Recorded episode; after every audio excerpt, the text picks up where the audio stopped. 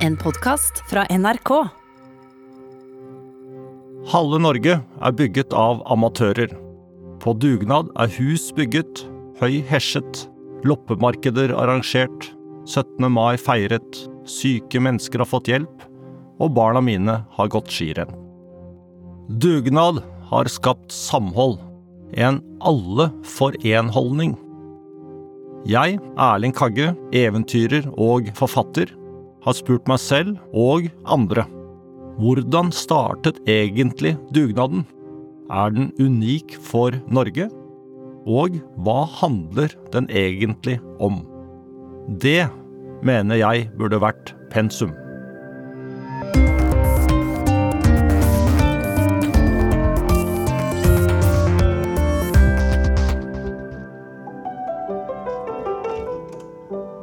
Blant historikere blir dugnad knapt forsket på, og i løpet av ti års grunnskole kan ingen av de tre barna mine huske at det er blitt nevnt i pensum.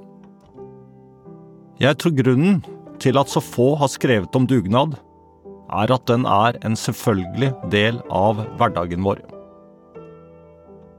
Som nordmenn flest har jeg deltatt når jeg er blitt spurt, uten å spørre hvorfor.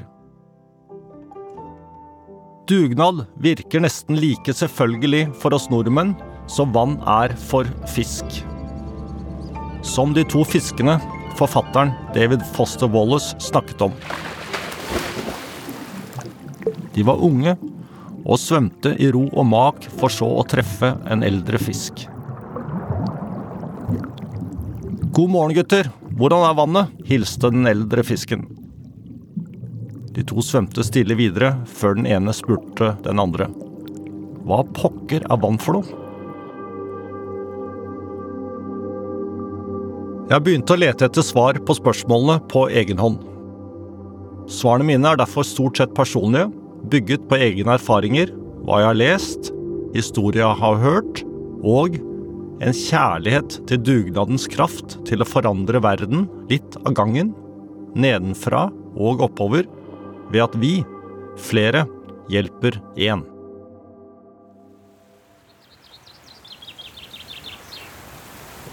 Livet på øya Stolmen i Austevoll kommune gir oss noen svar. Jeg har familie på naboøya Selbjørn og gått tur på kryss og tvers til alle årstider. Stolmen ligner på andre øyer i havgapet ut mot Nordsjøen. Nakne knauser, lyngheier, lite skog, 186 innbyggere og veldig mye vær. Når jeg spør, vet ingen når dugnadstradisjonen startet. Men Nils Steinar Våge, som vokste opp på øya, fortalte meg. Folk måtte samle seg for å overleve. Og det er akkurat det. Jeg er sikker på at han har rett. Uten dugnad ville ikke mennesker ha overlevd nord- og vestavinden i Norge. Svigerfaren min, Mons Salthella på Selbjørn, får blanke øyne og smiler fortsatt stolt når han forteller om den gangen familien fikk elektrisk lys hjemme. I 1951 og 1952 ble stolper til elektriske ledninger levert på kaien på Stolmen og Selbjørn. Skulle du ha lys, måtte du hjelpe til, som han sier. Og mennene gikk sammen om å grave grøfter og sette opp stolpene. På 1960-tallet kom muligheten for telefon, og hver husstand måtte stille med én mann. Svigerfar gravde selv utenfor huset sitt og snakker ennå entusiastisk om følelsen av for første gang å kunne snakke i telefonen hjemme. Dugnaden til Mons var ikke byttearbeid som dugnad vanligvis er, men fellesarbeid. En blanding av dugnad og plikt. De jobbet ikke for naboen, men for fellesskapet. Og forventningen om gjensidighet ble byttet ut med en forventning om lik innsats fra alle som deltok. Den som lurte seg unna, fikk telefon først flere år senere, da Televerket begynte å montere stolper. Veiene på Stolmen ble bygd på dugnad. I 1894 startet innbyggerne å bygge øyas første vei for hånd. 20 år tok det. Tre kilometer fra Våge i sør til Kvalvågen i nord, hvor øyas kirke lå. Og til kirken skulle alle.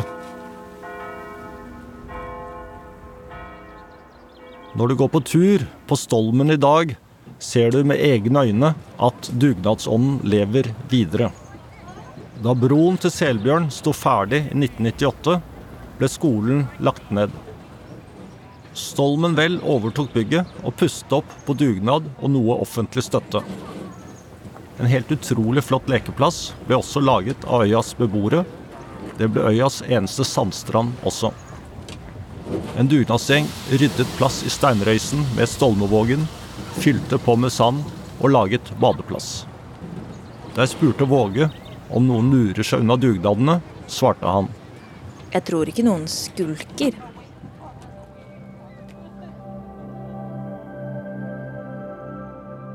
Dugnadene på Stolmen viser også hvordan tradisjonen har en genial side.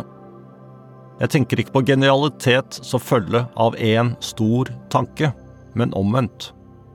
Som et resultat av fire ideer som sammen utgjør kjernen til dugnaden. Den første av de fire ideene er likhet. Jeg savner iblant det. Fra barneskolen til Twitter handler mye om hierarkier og mennesker som står mot hverandre, også i små grupper, og jeg tror vi alle trenger en pause. Kristiansund og Nordmøre Turistforening bygget i traktene rundt Dovre og Sunndal én hytte på dugnad hvert år i 22 år. I tillegg til vedlikehold på alle hyttene de har ansvaret for.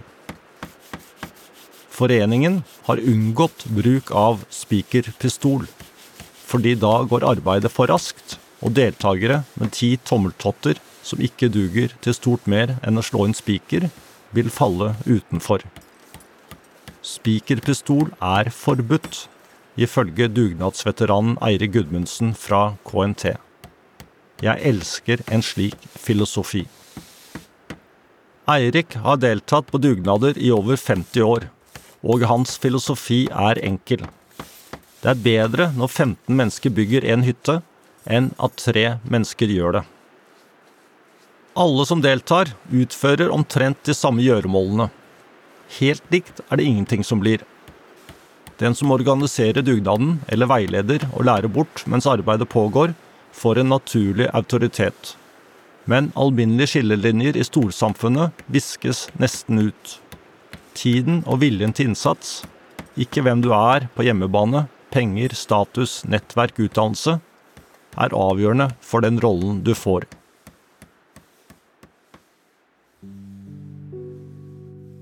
Den andre ideen bak dugnad er dyd.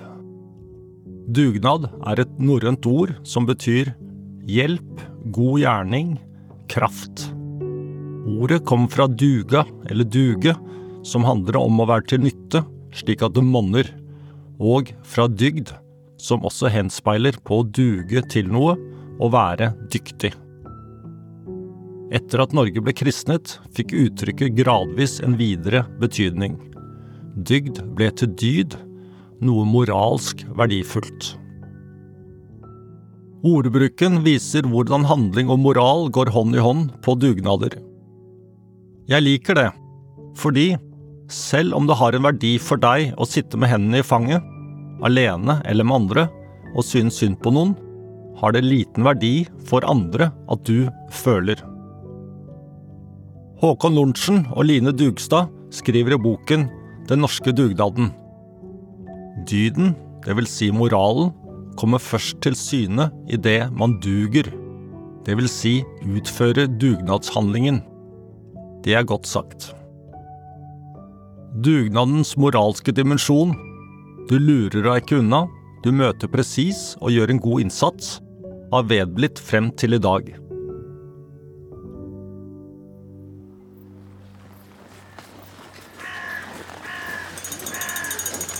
Da samboeren min og jeg flyttet fra hverandre januar 2012, det var en meget tung tid, glemte vi en dugnad som løypevakt i et langrenn for vår yngste datter. Dagen etter fikk vi klar beskjed. Hei, foreldre til Ingrid. I mail 20.12., 2.1. og 11.1 har jeg på diktatorisk vis tilordnet dugnadsaktiviteter for kretsmesterskapet i helgen som var. Søndag, da dere ikke dukket opp som løypevakt, sto vi uten riktig antall vakter, og det ble mye organisering på løypesjefen og meg selv. Jeg vil bare få avklart at jeg har riktige mailadresser til dere, og imøtese gjerne en tilbakemelding fra dere på dette. Jeg hadde forståelse for at de var forbannet. Dugnaden er jo tuftet på dygd, at ingen skulker. Jeg svarte, unnskyldte oss og forklarte årsaken til at vi ikke hadde vært der. Vi håpet på forståelse, men fikk aldri svar.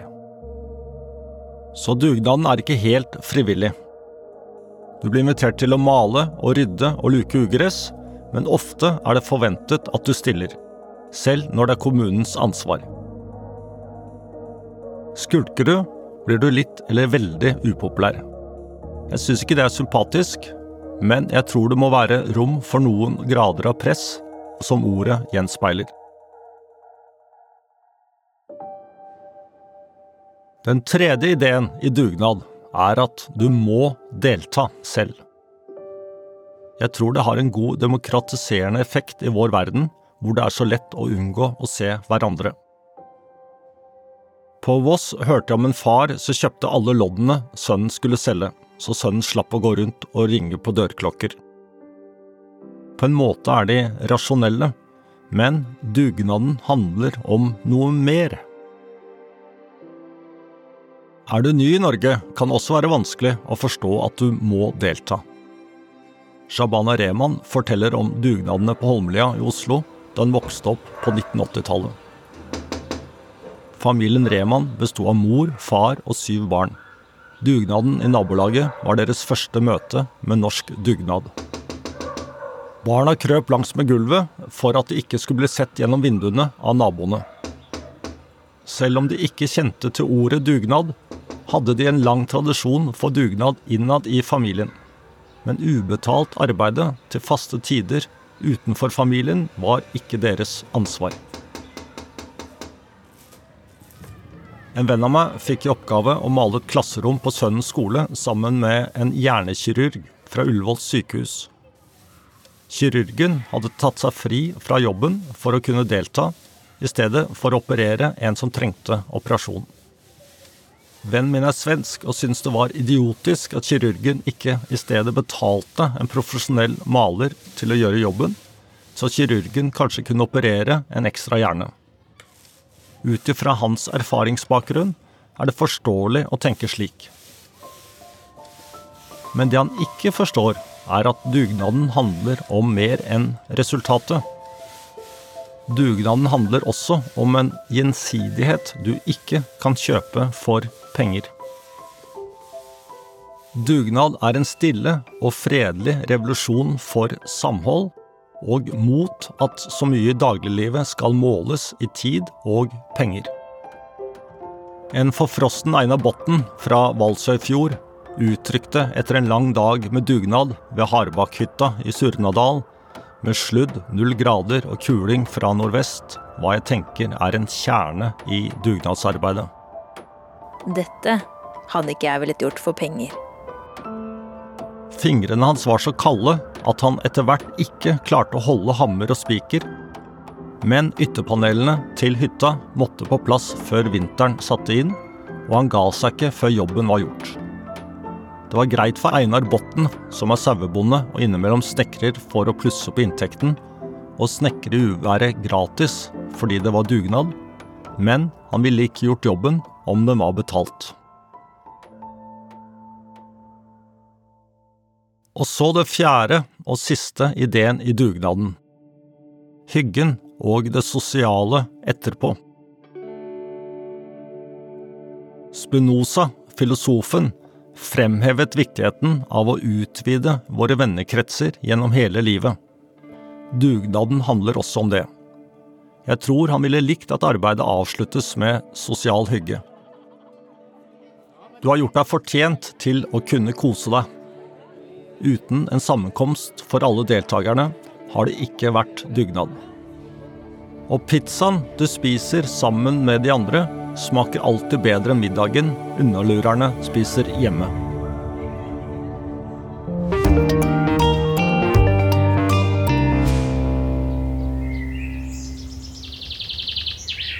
For å forstå dugnadsånden på Stolmen, hjemme i Oslo og ellers her hos oss, tror jeg vi må se langt tilbake i tid på to momenter.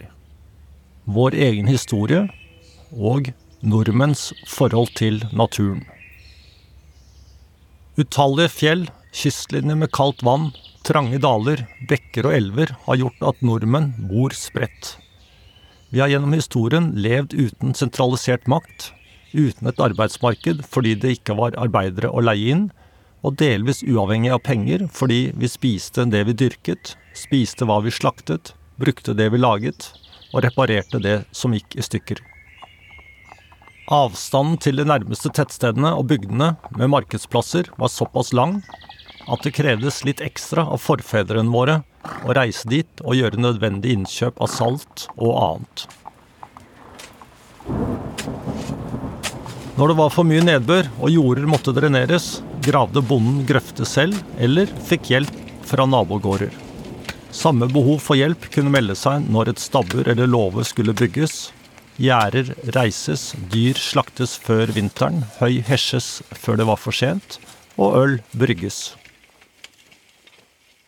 Det var ingen andre å spørre enn naboene, og vi ble avhengig av hverandre. I dag vet ingen når dugnadstradisjonen begynte, men allerede i vikingtiden hadde nordmenn glede av den. Vikingenes militære suksess, både hjemme og i Viking, var delvis tuftet på dugnad. I den eldre Gulatingsloven heter det at alle skal forsvare sin egen bygd etter dugnadsprinsippet. Alle for én. Når man dro i Viking for å plyndre landsbyer og klostre, var det ofte dugnadens prinsipper som gjaldt. Tre eller fire gårder i samme region eller slektninger kunne gå sammen om å bygge og utruste et skip. De som ble hjemme, tok hånd om gårdene til de som var borte, mot at alle delte det som var røvet.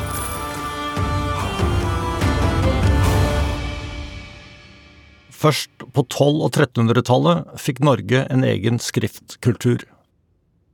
Staten og kirken fikk større makt, lover ble vedtatt, og spor etter dugnad dukker opp i rettsreferater. Andre steder blir dugnaden knapt nevnt. Det som fungerer, skriver man sjelden om. Stort alkoholkonsum etter arbeidet er én årsak til at det ble rettssaker. En voldelig handling ble ikke vurdert isolert i strafferetten. Hvis du sloss i forbindelse med dugnad, kunne du få skjerpet straff.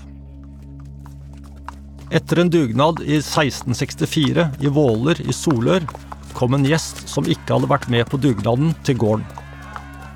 Alle naboene var samlet, og ingen ville ha ham der. Men han var full og falt av hesten da han skulle ri videre og sovnet på gården.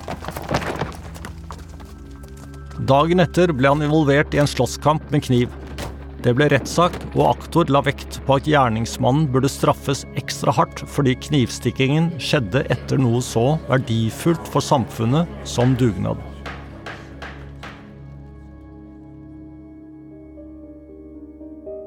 Å ta vare på de fattige skjedde til tider på dugnad.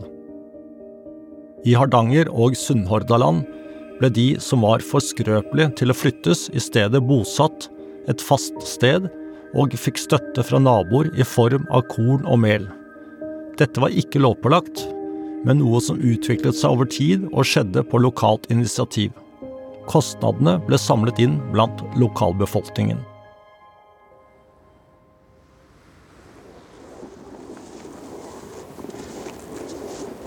Da jeg skulle gå på ski til Sydpolen i 1992, organiserte jeg delvis ekspedisjonen på dugnad.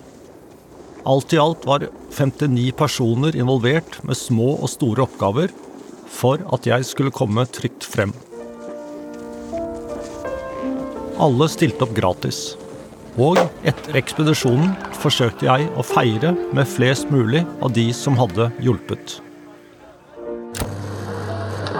Typisk norskseerne har kåret Norges nasjonalord. Med 24% av stemmene falt valget på dugnad. Dugnad? Etter mer enn 1000 år med dugnader ble ordet valgt til Norges nasjonalord her i NRK. Tradisjonen for at naboer uten betaling hjelper en nabo, familier stiller opp for en familie, og at vi spiser et måltid sammen etter arbeidet, er universell.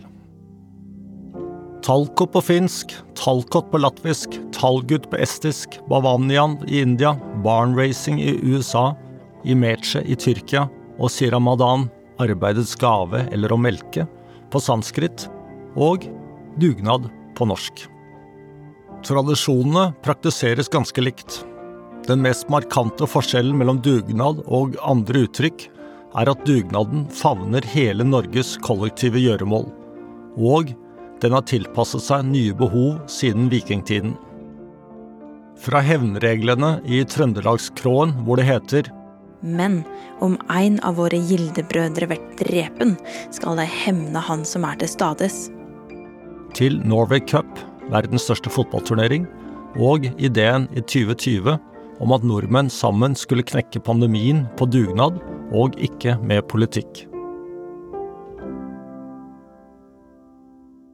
Nettopp evnen til å stadig fornye seg og dekke nye behov gjør at jeg er optimist på dugnadens fremtid.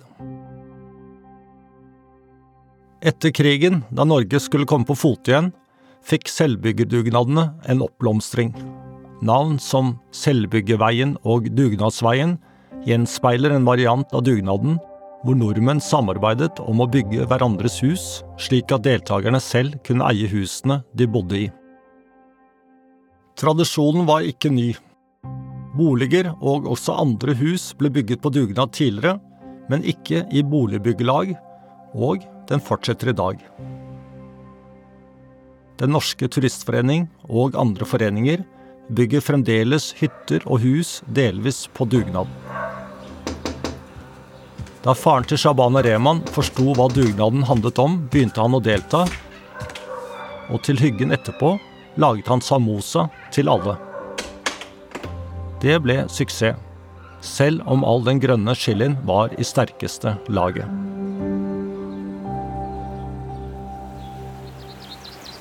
Dugnaden minner om at små mirakler skjer hver dag, men vi legger sjelden merke til dem. Og jeg tror verden trenger flere dugnader. Dugnaden har skapt en forutsigbarhet og en forventning om at mennesker hjelper en annen ved behov, holder ord og en følelse av at alle kan være med å forandre verden i meget små porsjoner.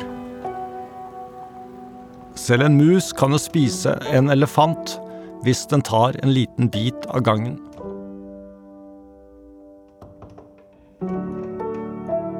Norge er kåret til verdens lykkeligste land. Norge ble også omtalt som verdens mest demokratiske nasjon, og et av landene i verden med minst forskjeller. Kan det ha en sammenheng med dugnad?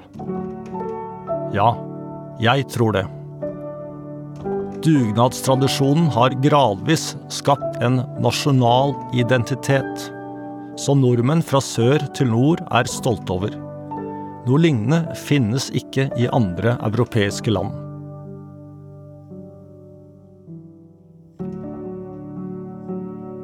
Jeg heter Erlend Kagge, eventyrer og forfatter. Det jeg vil du skal sitte igjen med fra denne episoden, er 1. Dugnaden har vært med på å gjøre nordmenn til verdens lykkeligste folk, Norge til det mest demokratiske landet, med verdens mest tillitsfulle befolkning. To, du bør delta på dugnader selv om det er fristende å la være. Tre, hele verden trenger flere dugnader.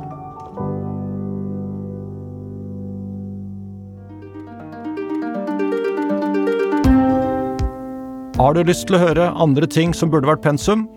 Jeg kan anbefale episoden hvor produktdesigner Nima Shahinyan snakker om frykt for ny teknologi. Følg Burde vært pensum i appen NRK Radio.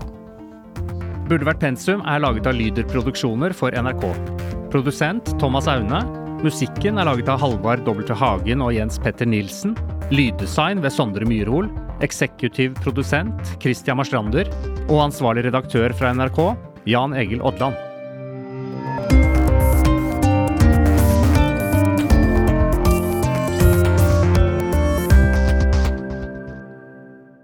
En podkast fra NRK.